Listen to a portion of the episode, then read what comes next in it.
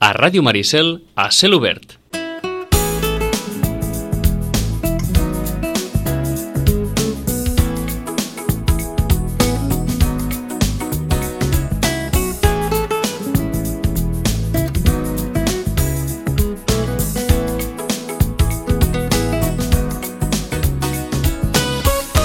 I en parlem en el que és eh, l'espai quinzenal de les biblioteques, avui excepcionalment en dimecres, perquè els tindrem, eh, la gent de les biblioteques, normalment eh, els dimarts de cada, de cada 15 dies per fer-nos una miqueta de repàs de l'agenda la, de d'activitats, de les nombrosíssimes activitats culturals que es porten a terme.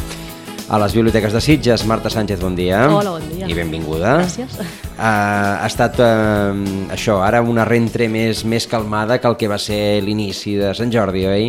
Sí, el que passa que també ens, ha portat, ens està portant feina això, no? sobretot d'agenda, uh Mhm. -huh. perquè ja al setembre vam pensar que seria un mes tranquil, no? sortint de vacances, per l'octubre ja inicia el curs d'activitats, i no, no, al setembre ja hem tingut coses, perquè durant l'estiu també vam tenir diferents propostes i ens vam apuntar a totes. Per tant, ha sigut una, un inici que sí que ara a veure com va el curs, no? iniciar nous projectes entre les dues biblioteques i, i endavant, ja us expliquem totes aquestes coses que tenim preparades. Doncs ho anirem repassant a partir d'ara cada 15 dies perquè la gent doncs, també tingui, tingui això, tingui informació sobre propostes interessants de, de caràcter cultural, quan vulguis.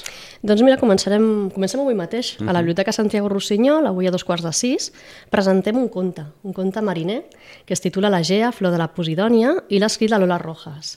La Lola Rojas és de Vilanova, bé, ella és de, de, Venezuela, però va venir aquí a Vilanova, es va enamorar de Vilanova, del mar, de l'ambient mariner, i, i ella sempre no, ha tingut molta curiositat per saber les històries doncs, del passat, no? de, del lloc on està, d'aquest entorn més proper. I va començar a fer preguntes, a investigar i a inspirar-se per fer aquesta història, que en principi havia de ser un conte més curtet, i ha donat, la Gea li ha crescut, m'ho explicava com va venir a la biblioteca a proposar-me aquesta, aquesta presentació, que la Gea li havia crescut, no? i amb ella doncs, tota una sèrie de personatges, tota una sèrie de valors que queden reflexats en aquest conte.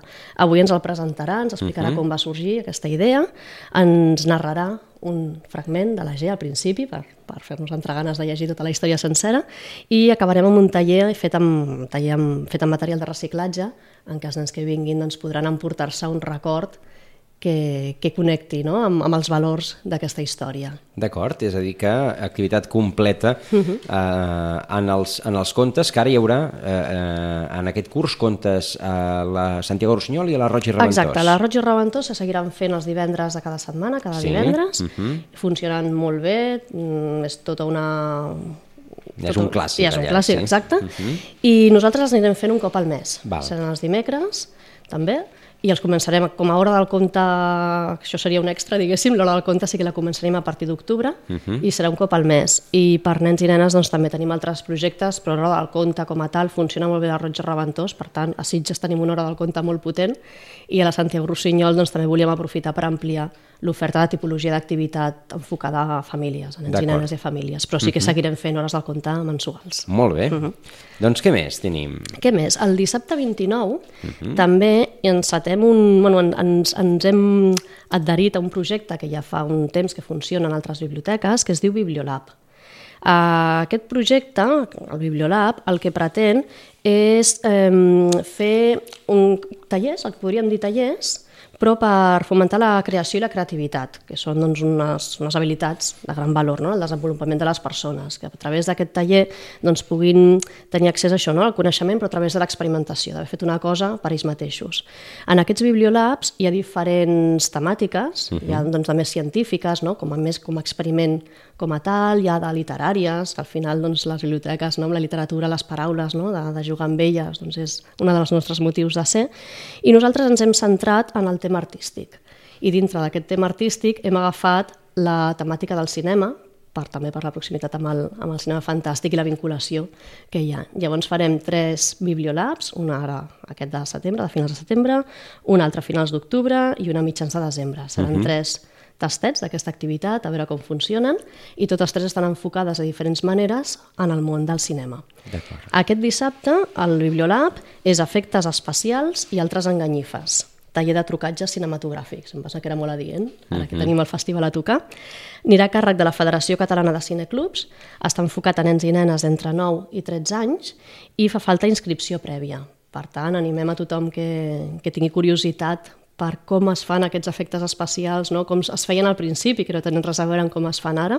Al principi es feien doncs, d'una doncs, manera molt més artesanal, per dir d'alguna manera, sense ordinadors, però també doncs, enganxaven molt i sorprenien molt aquells primers espectadors de cinema.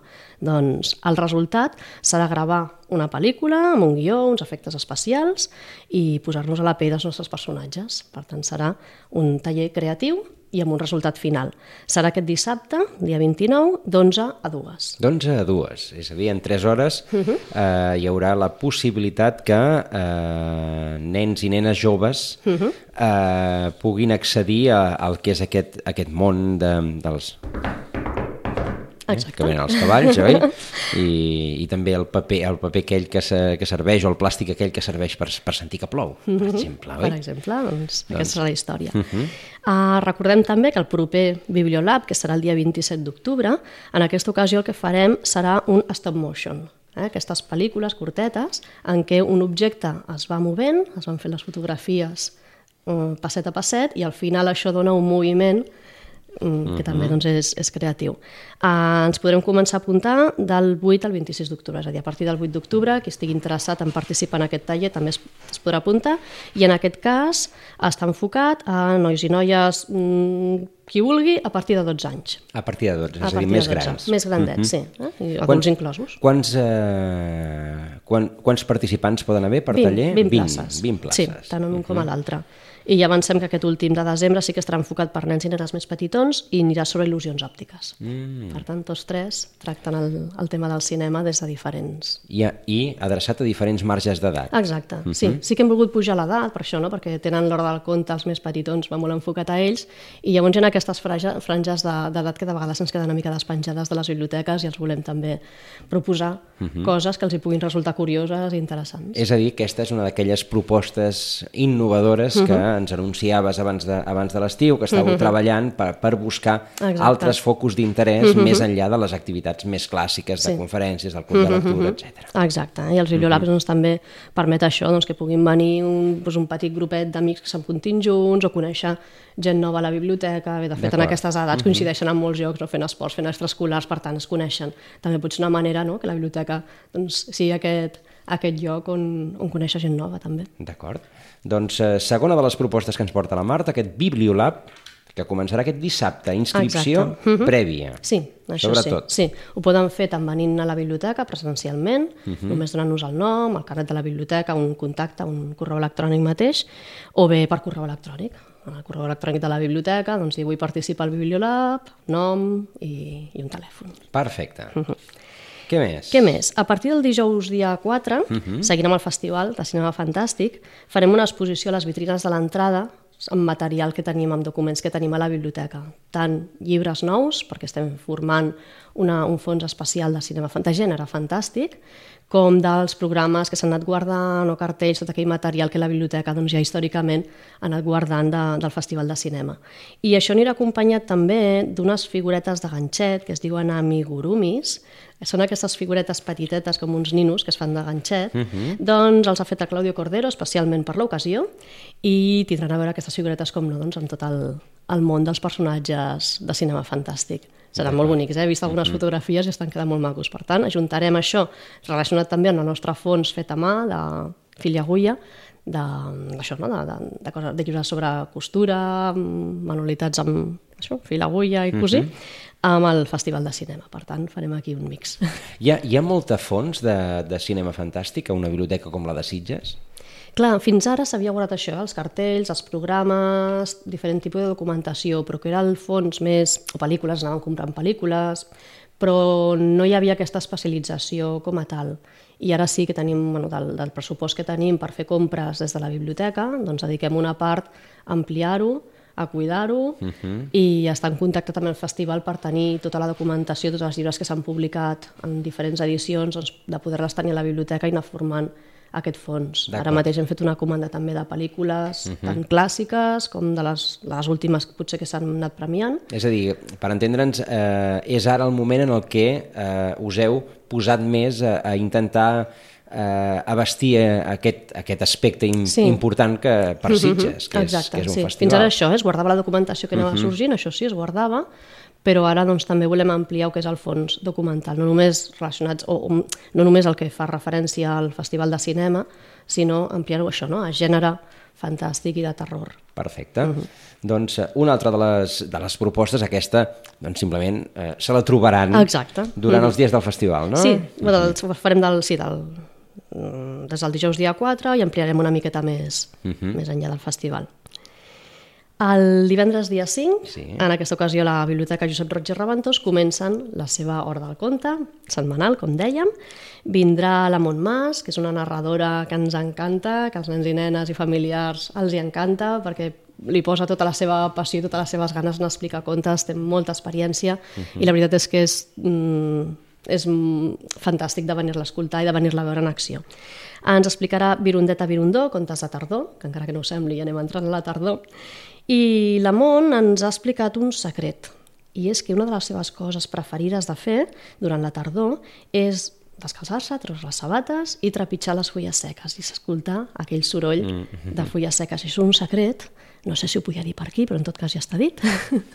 I el conte doncs, anirà d'aquest tema, contes de tardor, i a Vinci ens explica una miqueta més d'aquest petit plaer que té ella, de Molt caminar bé. descalça damunt de les fulles.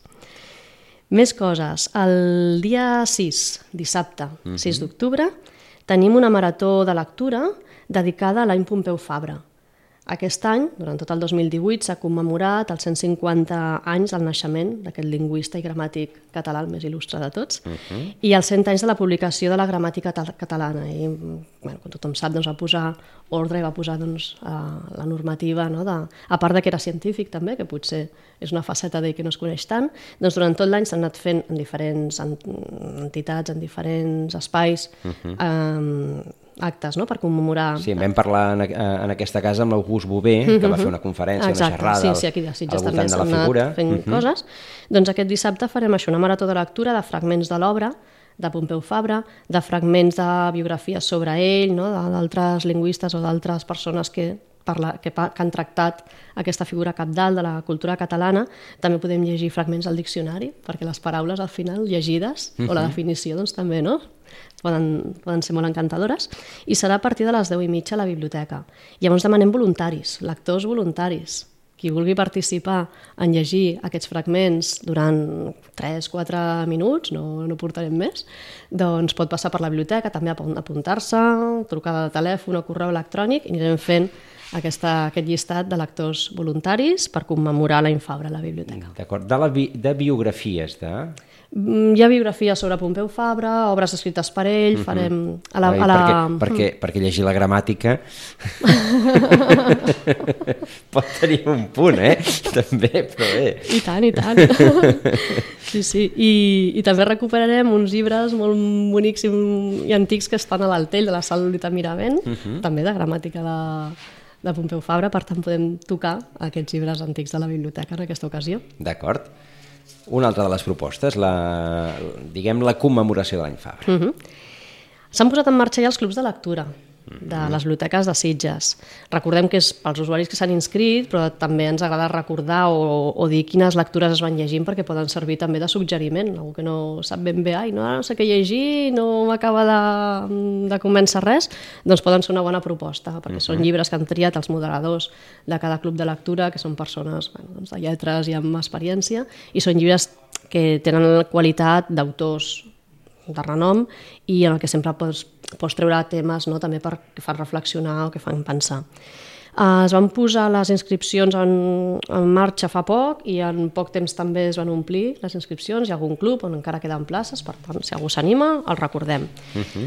uh, tenim el Club de Literatura Universal, començaran llegint L'estiu sense homes, de la Siri Husbet.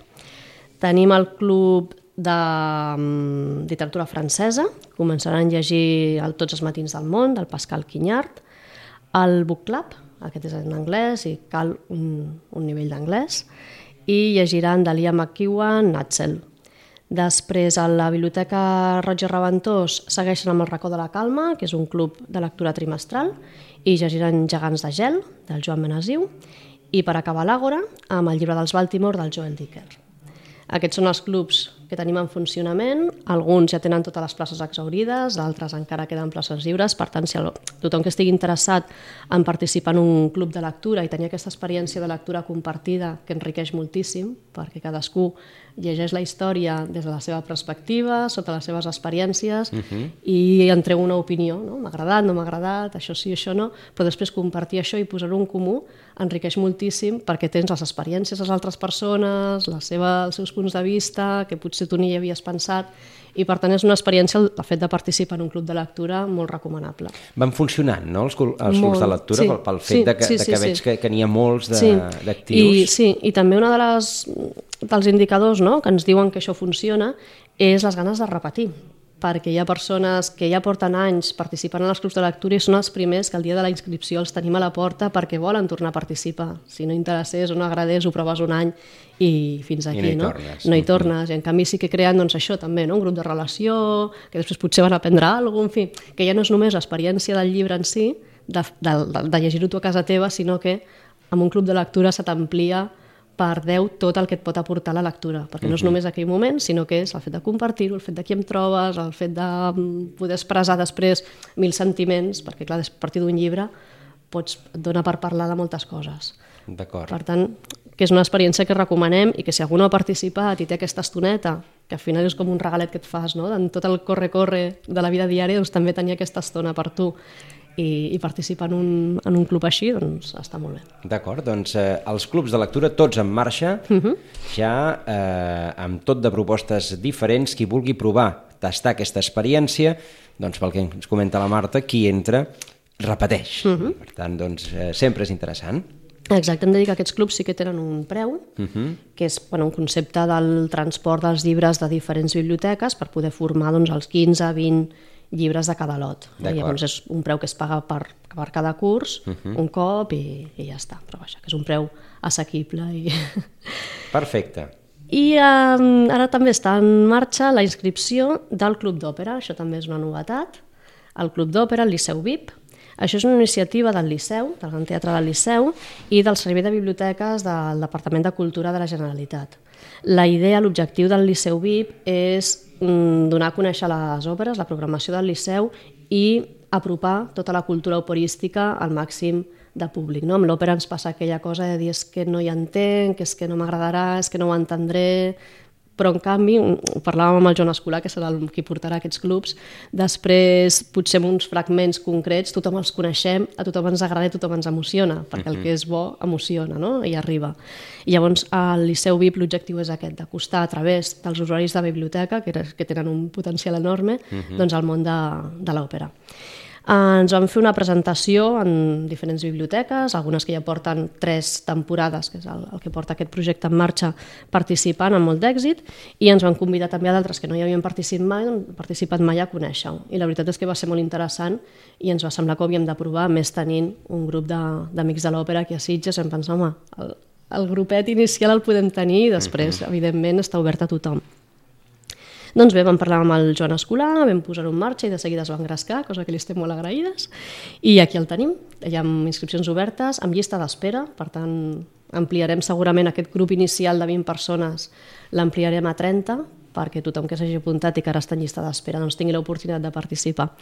Seran unes trobades en principi bimensuals i amb aquest, amb aquest projecte, amb el Liceu VIP, ens proposaven com dues vessants, un més literari i un altre més musical.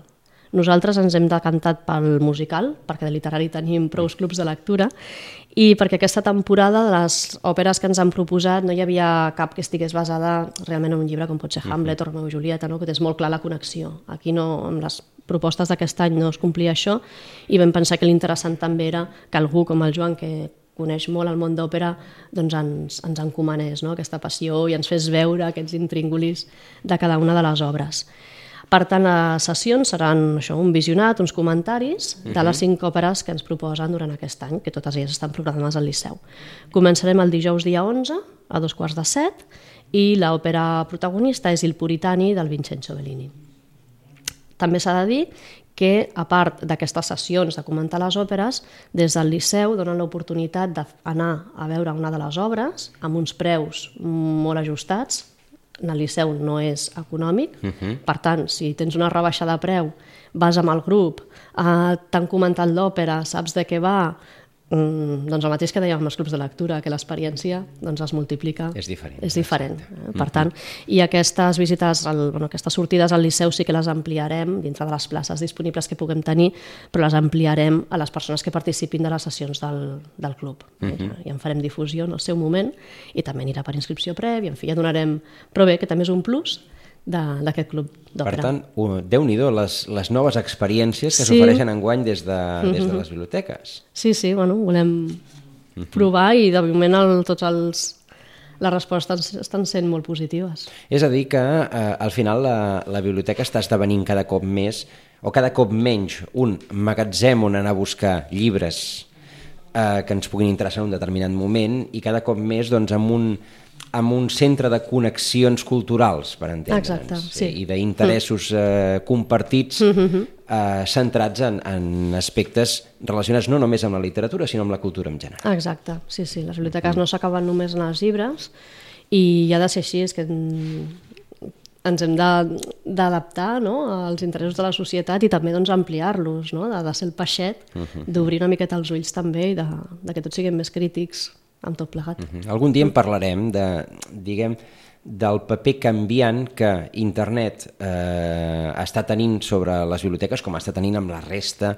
d'activitats de, de, del món començant pels mitjans de comunicació i acabant mm -hmm. per on vulguin. Sí. Però eh, les biblioteques, que, que en principi eren els magatzems de, de cultura, o les enciclopèdies, mm -hmm. doncs ara hi ha la Viquipèdia, qui, qui busca una enciclopèdia, no? Doncs un dia també, no, tant, sí. també podem comentar, comentar això, és a dir, mm -hmm. la, la necessitat de, de repensar el model a partir d'un model que és necessari, que és -hmm. l'existència de les, de doncs les biblioteques. Sí. Ara també ens ho estem plantejant, perquè un dels, dels projectes que també tenim en marxa és d'ampliar el tema de les visites escolars, no només a escoles, sinó també a estudiants de secundària, als instituts. Eh, és un públic difícil, perquè, perquè els adolescents doncs, bueno, tenen els seus interessos no? i la lectura costa molt que entri dintre d'aquests interessos, que n'hi ha que, que el tenen i el tenen molt arrelat, però en general no seria el cas, i, i per tant doncs, com, com entrar, no? com, com els hi venem la biblioteca als adolescents. I, I aquell paper que tenien les biblioteques quan nosaltres érem joves, ara ja de, de cerca de fons, Exacte ara bona part d'aquestes fonts ja no les necessiten cercar Exacte. a la biblioteca. Sí, això sí. també... La seva manera de llegir és diferent, perquè és que uh mhm. -huh. amb el mòbil no, eh, tot és com molt de pindoletes, pam, pam, pam, no? així molt flaixos. Per tant, el fet d'agafar un llibre, seure, llegir un text que està tot seguit, encara que tingui il·lustracions, tot això per ells no és igual que era per nosaltres. És curiós. Doncs sí, uh mhm. -huh. doncs a veure com els què podem fer? Què podem fer amb ells? Però tenim ganes, això, perquè sabem que a veure que la connexió hi serà i podem mm -hmm. entrar de moltes maneres. Per tant, bueno, començarem també amb visites amb els instituts i també tenim moltes ganes d'aquesta nova experiència. Volem aprendre molt d'ells, també. Doncs tenim alguna cosa més, Marta? I volíem comentar una sí. novetat. A veure. Amb l'e-biblio, Sí. L'eBiblio és el portal on podem accedir a tot un fons de més de 7.000 títols de llibres electrònics que amb el carnet de la biblioteca podem descarregar-nos i llegir. Per tant, no és només el fons de la nostra biblioteca o de totes les biblioteques físiques de la província de Barcelona o de Catalunya, sinó que també tenim aquests llibres electrònics que a través d'internet doncs, podem baixar i fer un préstec virtual, diguéssim. Doncs això ja fa temps que funciona, el préstec ha anat augmentant, l'ús ha anat augmentant, uh -huh. i d'ençà d'ara de fa poquet d'aquest estiu, que també el Bibliocat inclou pel·lícules, curtmetratges, concerts, documentals, distribuïts per Filmin.